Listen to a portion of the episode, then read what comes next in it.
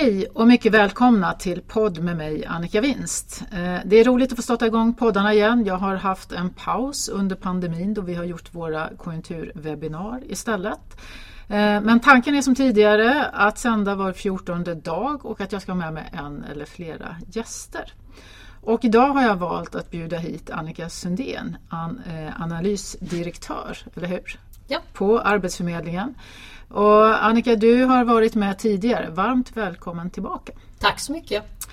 Och vad kan vara bättre att starta upp eh, poddverksamheten med igen eh, en fokus på arbetsmarknaden. Det är otroligt centralt för Sverige och svensk ekonomi hur utvecklingen ser ut eh, där framöver. Och det har ju varit en dramatisk utveckling från i våras då man i stort slog av strömbrytaren vad gäller både tillväxt och fick enorma konsekvenser på arbetsmarknaden till att vi har, ser återhämtning i, i tillväxten och det ser förstås lite olika ut beroende på vilken bransch bransch eh, man tittar på. Men där vi också ser ljusglimtar eh, på eh, arbetsmarknaden. Och Annika, du har synts flitigt i media och fått kommentera den här statistiken och jag tänkte börja precis där. Var, var är vi någonstans? Hur ser du på nuläget på arbetsmarknaden? Ja, men kan vi bara börja i där du började? Att det här har ju varit en kris som har slagit väldigt hårt mot arbetsmarknaden och slog väldigt direkt. Och sen i mars så är det över 100 000 personer som har blivit varslade och 390 000 personer som har skrivit in sig som arbetslösa vid Arbetsförmedlingen. Det var en väldigt dramatisk utveckling men sedan i somras så ser vi ljusglimtar på, på arbetsmarknaden. Arbetslösheten har stabiliserats runt 9 Och just nu så är det fortfarande ganska många som skriver in sig. Det är ungefär 9-10 000 personer i veckan. Men det är också ungefär lika många som lämnar Arbetsförmedlingen för jobb eller för studier. Så att det är ett något ljusare läge på på arbetsmarknaden. Mm, och då tittar vi på arbetslösheten och det är förstås det du är mest fokuserad på, hur man ska hjälpa de här. Men vi behöver ju också fundera lite över hur det ser ut vad gäller sysselsättningen och man behöver fundera över stöden som vi har fått eh, under eh, den här perioden. Och jag tänker också på arbetskraften. Ser vi någon förändring på arbetskraften? Alltså arbetskraften är ju de som erbjuder sig på arbetsmarknaden att, att ta ett jobb. Har den påverkats av pandemin på något sätt? Väldigt små förändringar och jämför man Sverige med många andra länder så har ju Sverige lyckats upprätthålla både sin sysselsättning och sitt arbetskraftsdeltagande. Och det är viktigt att vara på arbetsmarknaden, att stå till arbetsmarknadens förfogande eh, så att man kan ta ett jobb när det, när det vänder. Lämnar man arbetsmarknaden så är det mycket värre. Och det är väl en, en oro att, att de personer som har varit arbetslösa länge, de som redan var arbetslösa, innan krisen började. Att, att de nu får det ännu svårare och att, att en del kanske då till och med lämnar arbetskraften. Ännu har vi inte sett det. Nej. Och samtidigt så kom vi från ett väldigt starkt läge. Vi hade ju haft en lång period där vi haft bra tillväxt i svensk ekonomi. Även om vi såg en, en eh, avmattning så, eh, och kanske till och med en lågkonjunktur lite beroende på hur man ser på det så var ju ändå arbetsmarknaden väldigt stark innan vi hade en stark sysselsättningsutveckling. Eh, hur ser du på den eh, framöver hur, i nuläget? Vi, vi ser att eh, eh, det skapas ändå några jobb också. Mm. Nej men absolut och Sverige har ju i grunden en, en stark, stark ekonomi och, att, och på, på det sättet är den här krisen väldigt annorlunda. De tidigare kriserna som vi brukar prata om, 90-talskrisen och finanskrisen, det var ju strukturella problem i ekonomin. Det här är ju en chock i form av en hälsokris men i grunden ha, hade vi en bra ekonomi och med stor brist på arbetskraft i mm. många branscher. Och tittar vi på hur arbetslösheten såg ut före pandemin så handlade den väldigt mycket om att det, var, att det är personer som inte har tillräckliga kompetenser för det som arbetsgivarna söker. Eh, så vi har ju alla förutsättningar, det handlar ju mycket om hur långvarig den här krisen blir, men vi har ju alla förutsättningar att komma tillbaka och vi ser ju fortsatt brist på, på personer i till exempel vård, omsorg, utbildning men även inom vissa IT-tjänster. Mm. Och om man då tänker på den här eh, nuläget än, än så länge så eh, de grupper som har drabbats hårdast, eh, vilka skulle du vilja lyfta fram då? Så den, här, den här krisen har ju slagit mot hotell och restaurang, mot besöksnäringen, mot den privata tjänstesektorn i huvudsak. Och, och, det är ju sektorer där vi har många av ingångsjobben på svensk arbetsmarknad. Så, och de som har påverkats då är, är unga personer och personers eh, utrikesfödda personer. Eh, de är ju överrepresenterade. Sen ska man komma ihåg att arbetslösheten har ökat brett i alla grupper. Eh, och vi har också senare under krisen sett att, att industrin har till exempel varslat eh, anställda. Eh, det som också händer i det här är ju att den strukturomvandling som redan pågick på arbetsmarknaden, den går nu snabbare så företag ställer om. Så det har ju också påverkat eh, arbetslöshetens utveckling. Mm. Och det är allt från eh, man ställer om på grund av teknikutveckling, AI och så vidare, digitalisering men det handlar ju också om att eh, man konsumerar på ett annat sätt om man tänker på detaljhandeln och så vidare. Så det är ju stora förändringar som, som pågår långsiktigt. Och eh, som ekonom brukar man ju säga att det, det är förstås förfärligt för de människor som drabbas och blir arbetslösa men ur ett samhällsekonomiskt perspektiv så är det en nödvändig eh, process som kanske ändå har snabbats på i den här Eh, Eh, pandemin. Digitaliseringen har väl absolut gjort det. Man gjorde, det man gjorde på några veckor hade tagit år i, i vanliga fall. Absolut, vi ser ju absolut att den, här, den strukturomvandling som redan pågick till följd av digitaliseringen, elektrifieringen har snabbats på. Vi har blivit, handlar mycket mer online nu till exempel. Så att den förändring som redan pågick i handeln den påskyndas. Men vi ser också att fordonsindustrin ställer om till elektrifiering mm. snabbare och då varslar till exempel ingenjörer som då inte har den kompetens mm. som behövs för framtiden. Men den, men, men, men den strukturomvandlingen den, den måste ju pågå. Ja, välkommen också. Och, och är välkommen och den kommer göra att Sverige blir mer konkurrenskraftigt framåt. Vi ska komma ihåg att det som framförallt påverkar den svenska ekonomin det är ju vad som händer i omvärlden. Vi är en liten öppen ekonomi som har ett starkt exportberoende. Mm, och eh, strukturomvandlingen eh, är förstås eh, då välkommen men det betyder att det finns då andra grupper som behöver stöd. Och hur har stöden fungerat? Inledningsvis var det ju svårt att veta vad man behövde för stöd men om du ska lyfta fram dem som ni har kunnat använda på arbetsmarknaden och sett som har gett resultat, hur beskriver du då? Ja, men tittar man på, på ekonomi som helhet så ser vi att möjligheten till korttidspermitteringar har gjort att varslen dämpades avsevärt. Eh, och att det har gjort att företag har kunnat fortsätta och också nu börja komma tillbaka när, när det vänder. Eh, det som, som, och så är det ju andra stöd också som har varit direkt till företag för att man ska kunna behålla sina anställda eh, och kunna dra igång när, när det vänder. Men de andra stöden som, som, som regeringen har, har vidtagit så har ju utbildning, alltså att man har tillsatt fler utbildningsplatser varit varit värdefullt och också haft effekt. Eh, den här, och de, de utbildningsplatserna är brett? De är brett, de är i alla delar av utbildningssystemet. Både på gymnasial nivå, på yrkeshögskolan och på, på högskolan. Eh, och, och, när vi ser nu i, i höst, eh, och, och det hänger ju också mycket samman med att det är många ungdomar som har drabbats av den här krisen. Att det är betydligt fler ungdomar som går till utbildning, som lämnar Arbetsförmedlingen för utbildning eh, än vad man har gjort tidigare. Och, och det är ju också bra för det är ju en investering i framtiden. Man investerar i framtida kompetens som, och att man då kan ta ett jobb som kommer finnas när det här, när det här vänder. Mm. Det är ju inte helt ovanligt att unga drabbas hårt i eh, kriser. Eh, man är sist in på arbetsmarknaden, man har minst erfarenhet och konkurrerar med många fler. Men det är också en grupp som eh, är mer flexibla och inte har samma försörjningsansvar riktigt som, som många andra.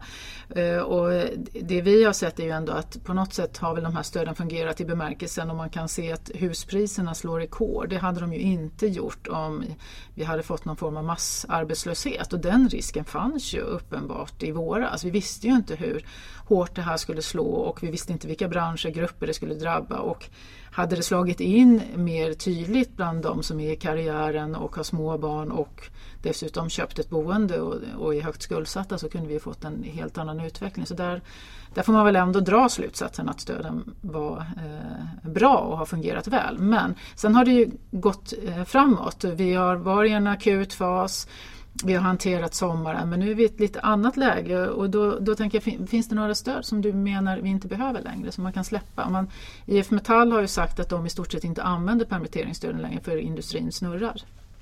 Jag tror att det är lite olika. Just med korttidspermitteringarna har vi ju sett att de har varit viktiga för företag att klara sig igenom den här akuta krisen.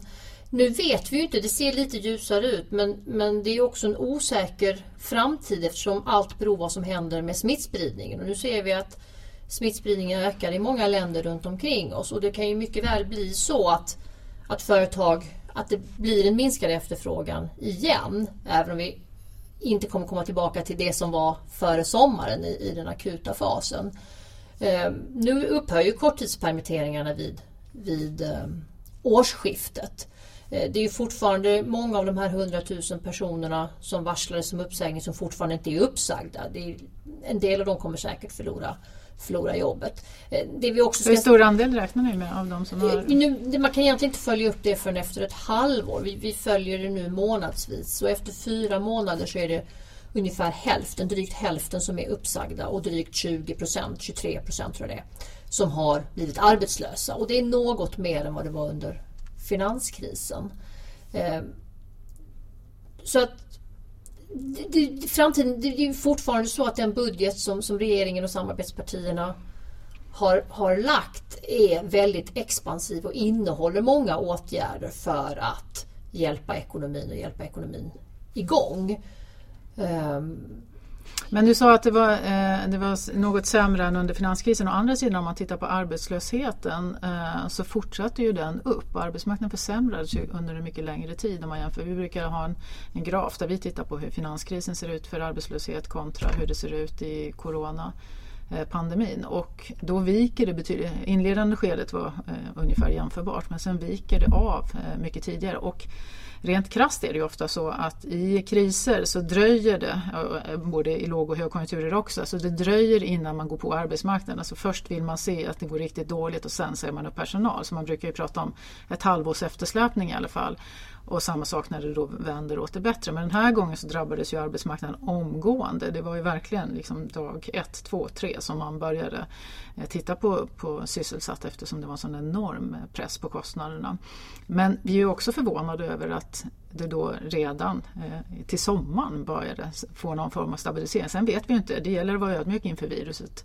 Eh, eh det kan självklart bli bakslag men men det är ju ändå en, en, snabb förändring jämfört med hur det brukar se ut i, historiskt i krisförlopp mm. och konjunktursvängningar. Den här krisen är väldigt annorlunda i, i, i det att den har slagit mot att vi inte rör oss på samma sätt. Vi reser inte, vi konsumerar inte på samma sätt. Det handlar ju egentligen inte om att, att hushåll som har kvar sina jobb har ju samma eh, inkomster men vi konsumerar inte längre.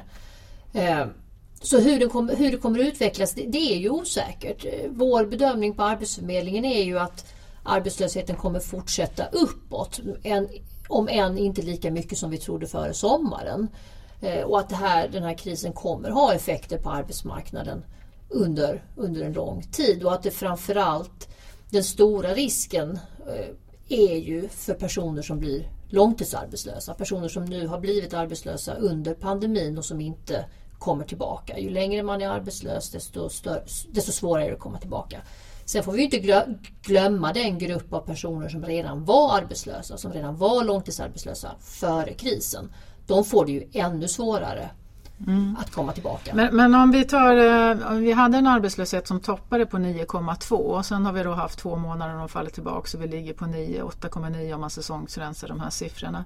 Eh, då tror du eh, toppen inte passerad utan den bedömer du är framför oss vad gäller arbetslösheten och när är ja. den i så fall och vad tror du att vi stannar på för nivåer? Vi håller på, vi håller på att eh, titta på det här just nu eh, och kommer snart med, med en reviderad prognos. Men, men vår bedömning är att den, att den kommer toppa i början på nästa år. Så vi ska ha en fortsatt ökad arbetslöshet under hösten?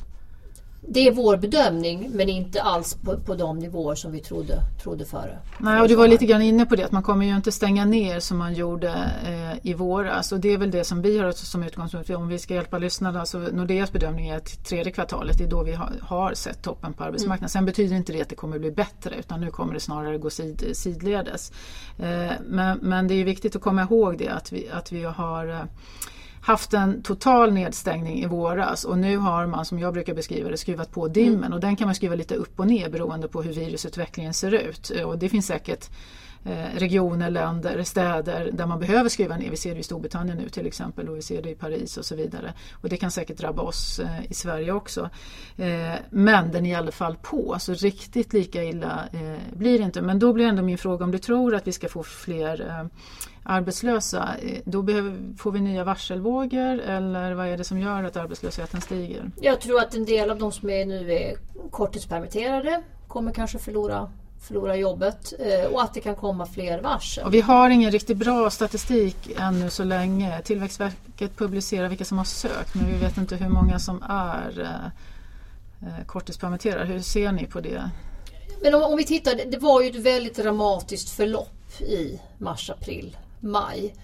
Eh, och då var det tydligt att, att, det var väldigt många företag som, som ansökte om korttidspermitteringar för man visste verkligen inte vad som skulle hända. Ja, det var väl 550 000? Det är nästan 600 000 mm. personer på mm. arbetsmarknaden. Eh, sen vet vi att det inte är lika många som har utnyttjat de här stöden i den omfattningen. Eh, så, och Tillväxtverket kommer efterhand att, att publicera det. Men det är, ju, det är ju fortfarande grupper på arbetsmarknaden som är korttidspermitterade. Och det är ju fortfarande så att... Men de 550 000 eller 600 vad nu var, där räknar vi med att det var ungefär hälften som använde det. Är, det, är din bedömning att det var fler? Jag har inga uppdaterade siffror på, på hur, hur, hur många av de här 600 000 som beviljades som faktiskt sen har använt det. Men, och vi vet ju att det var framförallt industrin. Mm. Och där har man ju tagit tillbaka väldigt många av dem. ja, du, absolut. Liksom då, men, men var kommer det? Var kommer de nästa? Det, det, kommer nog fortfarande en del från, från de som är korttidspermitterade. Vi har fortfarande varsel som ligger på 1000-2000 personer i veckan. Det är inte alls på de nivåerna som i våras men det är högre än vad det brukar vara. Men normalt är, är inte jättemycket under de nivåerna. Det är något vi är över vad vi brukar vara normalt. Men, men det är absolut inte på Men där finns väl också en poäng med strukturförändringen. Att när man står inför strukturförändring, vilket många bolag drar nytta av den här krisen, alltså man gör som vi pratade om innan, en del av det som man ändå skulle ha gjort. Och då brukar man ju använda sig av varslen också. Nej, men absolut, det? absolut. Det är tydligt att, att den arbetslöshet som, som vi förväntar oss framåt, den, den ökning som vi förväntar oss framåt handlar både om de personer som redan är varslade det handlar om att det är fortsatta restriktioner i vissa, som, som påverkar vissa branscher väldigt mycket fortfarande. Och att den här strukturomvandlingen går snabbare. Men sammantaget är ju då vår bedömning att vi inte har sett toppen på på arbetslösheten. Mm. Och om, om man då ska säga, om vi först bara säger vilka branscher har eh, drabbats och också regionalt. Vi gör regionalrapporter och där vi konstaterar att storstäderna och inte minst Stockholm har drabbats mycket hårdare jämfört med till exempel finanskrisen eftersom i finanskrisen var det väldigt mycket industrin och Småland, Västra Götaland och, och eh, gruvorna i, i norr så att säga. Medan Stockholm klarade sig ganska väl och nu är det omvänt i besöksnäringen. Så att, hur ser du på det regionala branschmässigt då i, i nuläget? Och och framöver. Det är ju tydligt att den här krisen har drabbat privat tjänstesektor eh, i hög utsträckning. Att det är hotell och restaurang, besöksnäringen men även konsultverksamhet, bemanningsföretag, resetjänster. Eh, medan industrin och byggsektorn har klarat sig betydligt bättre. Och det är precis som du säger, det är det omvända från, från det som hände under, under finanskrisen. Och det gör ju också att det är storstadslänen framförallt där arbetslösheten mm. har, har ökat. Storstadslänen ha, hade före krisen också en lägre arbetslöshet. Men, mm. men det finns stora regionala skillnader, det gör det. Mm. Eh, ja, eh, vi kanske kan komma tillbaks till det. Men vad tänker du då om man ska liksom tänka framåt? Vad krävs för att möta det som du tänker dig. Jag tänker att de, om det är industrin och IF Metall säger att de behöver inte riktigt lika mycket hjälp. Vi ser att världshandeln har tagit tillbaka två tredjedelar. Är då er bedömning att även exportindustri kommer drabbas igen, att det blir sämre där som gör att man igen kommer behöva använda stöd inom den eh, näringen? Eller om man tar till exempel tjänstesektorn eh, så uppfattar jag det att i besöksnäringen så är man väldigt snabb på att säga upp folk. Inte riktigt lika snabb som man är i USA där det liksom blir första timmen. Eh, men det gick ju ändå väldigt fort. Och har inte de gjort det de ska, om nu den här dimmen är på Kommer de att behöva säga upp fler? Eller är det det mellansegmentet som du pratar om, tjänstesektorn privat, lite mer eh, välutbildade akademiker och konsulter eller vad det nu är som, som landar i den här gruppen. Hur ser du på de där olika? Vem mm. står inför de största riskerna? För, först så, det är ju fortfarande väldigt stor osäkerhet. Jag, jag, vi pratar fortfarande om att, vi inte, att det är svårt att göra prognoser, att vi snarare gör bedömningar och scenarier. Att, att, att allt handlar om vad som händer med smittspridningen i Sverige och i, i, i omvärlden och vilka restriktioner som kommer vara nödvändiga. Självklart, men det vet vi inte. Nej, det vet ju inte. Men jag tycker ändå det är viktigt att ha mm, med ja. sig. För att, för att det är ett väldigt svårt läge att göra de här bedömningarna. Eh, det ser verkligen ut som hotell och restaurang. Vi tittar på varsel till exempel. Så mm. ser det ut som hotell och restaurang. Liksom, de har sagt upp och de har varslat. De är klara. De är klara. Mm. Ja, där är fortfarande också en del som är korttidspermitterade. Mm. Eh, I industrin har då varslat mer under, under den här andra delen av, av, av eh, krisen. Mycket handlar om den strukturomvandling som pågår, pågår i industrin och där tror jag vi kommer se fler uppsägningar från det. Så det är nog snarare det där mellansegmentet. Mm. Eh, men exakt hur den här fördelningen ser ut är väldigt svårt att säga. Mm. Men det har ju stor betydelse för att ska man vidta åtgärder politiskt för att stötta och hjälpa framöver så kan man ju förstå, jag brukar försvara politikerna under våren, det, det var eh, klokt att skjuta vilt eh, på det mesta man kunde för vi hade inte en aning. Men nu har vi ju ändå sett lite mer. Eh, vi har lärt oss, vi, vi kan inte viruset men vi har lärt oss en del av det och vi vet lite mer hur vi ska hantera det. Och jag upplever, jag pratar ju med väldigt många företag, allt från de riktigt stora ner till mellan i alla fall.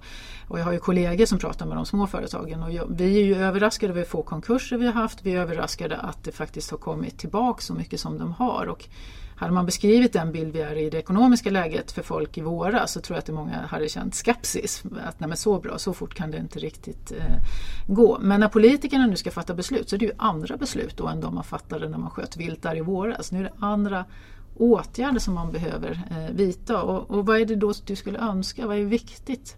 Mm. Om man tänker att det är det här mellansegmentet mm. som är utsatta, vad är det de behöver? Nej, men jag, jag, jag tror precis alltså att i, regeringen handlade ju väldigt snabbt och det var nödvändigtvis att handla snabbt och, det var nödvändigt med generella mm. generella stöd. Det blev ju som en försäkring. Staten var ett försäkringsbolag för att, för att hantera det här. Nu behöver ju då stöden vara mer träffsäkra och rikta in sig på att skapa förutsättningar för omställning.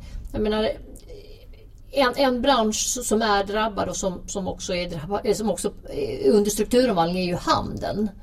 Eh, och där försvinner det jobb och kommer fortsätta försvinna jobb som aldrig kommer komma tillbaka. Eh, och för de personer då som har jobbat eh, i handeln, många har kanske gymnasieutbildning eller någon eftergymnasial utbildning, så gäller det att fundera på omställning. Vad, vad är det för kompetens jag behöver? Vad är det jag kan utbilda Men när du säger omställning så tänker du omställning för individen och inte omställning av företagen? Ja, omställning för individ. Ja, en del av de här företagen kommer ju, inte, kommer ju behöva strukturera mm. om och tänka på andra affärsmodeller. Vi handlar mycket mer online till mm. exempel. Mm. Men om vi tar det för individen mm. då. Mm. Så handlar det ju då om att, att, att utbilda sig, att skaffa sig de kompetenser som behövs på arbetsmarknaden framåt. Vilka jobb kommer finnas när vi har kommit igenom det här?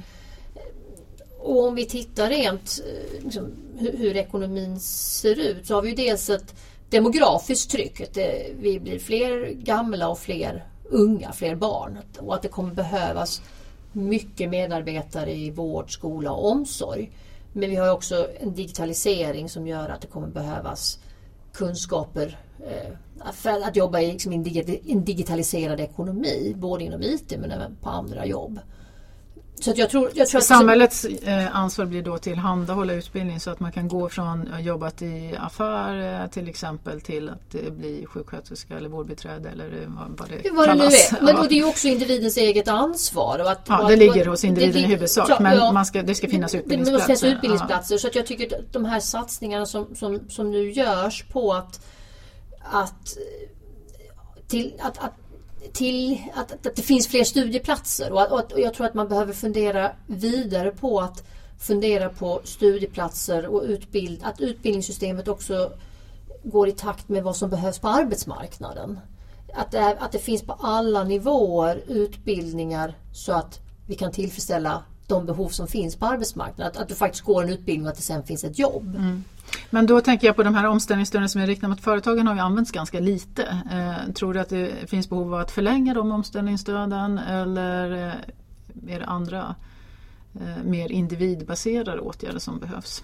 Ja, det, alltså handlar, det handlar ju helt om, jag menar, om, om vi får en, en återhämtning som fortsätter i den här takten så kanske man kan klara sig igenom det här. Att man gör de här omställningarna för att bli mer konkurrens kraftig. Men, men, samtidigt så har vi ju de här restriktionerna som, som, som drabbar besöksnäringen, som drabbar kulturen. Så riktade stöd. Så att jag tror att, att, om, om stöden, om det var en försäkring i, i, i våras med, med, generella stöd så behöver man nu fundera på riktade stöd och liksom mer träffsäkerhet. Och att också koppla stöd till till, om man, om man tar det här med korttidspermitteringar, det finns ju ett sånt, sån, ett sånt förslag i, i budgeten att, att om man använder korttidspermitteringar så får man också att det finns ett, en, en koppling till utbildning, att mm. företag satsar på utbildning. Den har kommit till senare. Ja, den har kommit till senare. Så att, att man mm. använder den här tiden för att ställa om. Det mm. tror jag är viktigt för alla. Ja, är... Både för företag och för individer. Att vi ut, använder tiden för att vara beredda att sätta igång igen när det vänder. Mm. Behöver korttidspermitteringarna förlängas? De rinner ut eller försvinner efter årsskiftet? Det återstår ju att se. Eh, jag tror att, att vi kan komma att se fler, fler varsel i höst eh, beroende på vad som händer i världsekonomin. Men det, det, är väldigt svårt att säga. Men det finns inget reformutrymme för det? Vi hade 105 miljarder på bordet eh, i budgeten. Uh, finns det det som behövs för att möta det, kan, det som det du kan säger? inte jag svara på utan den frågan får du nästan ställa till, till finansministern. Och på Arbetsförmedlingen, vad, vad, har man för behov för att kunna hjälpa dem som söker det? Vad skulle ni ja, behöva ha för att uh, fungera? Om man, tittar, om man tittar på de som, som, som har blivit arbetslösa nu under krisen så är det personer som ofta har gymnasieutbildning eller mer och står ganska nära arbetsmarknaden som i en normal konjunktur hade klarat sig själva det som är viktigt för dem nu är ändå att hålla kontakten med arbetsmarknaden, att få stöd med att söka de jobb som finns, att få stöd med att ställa om.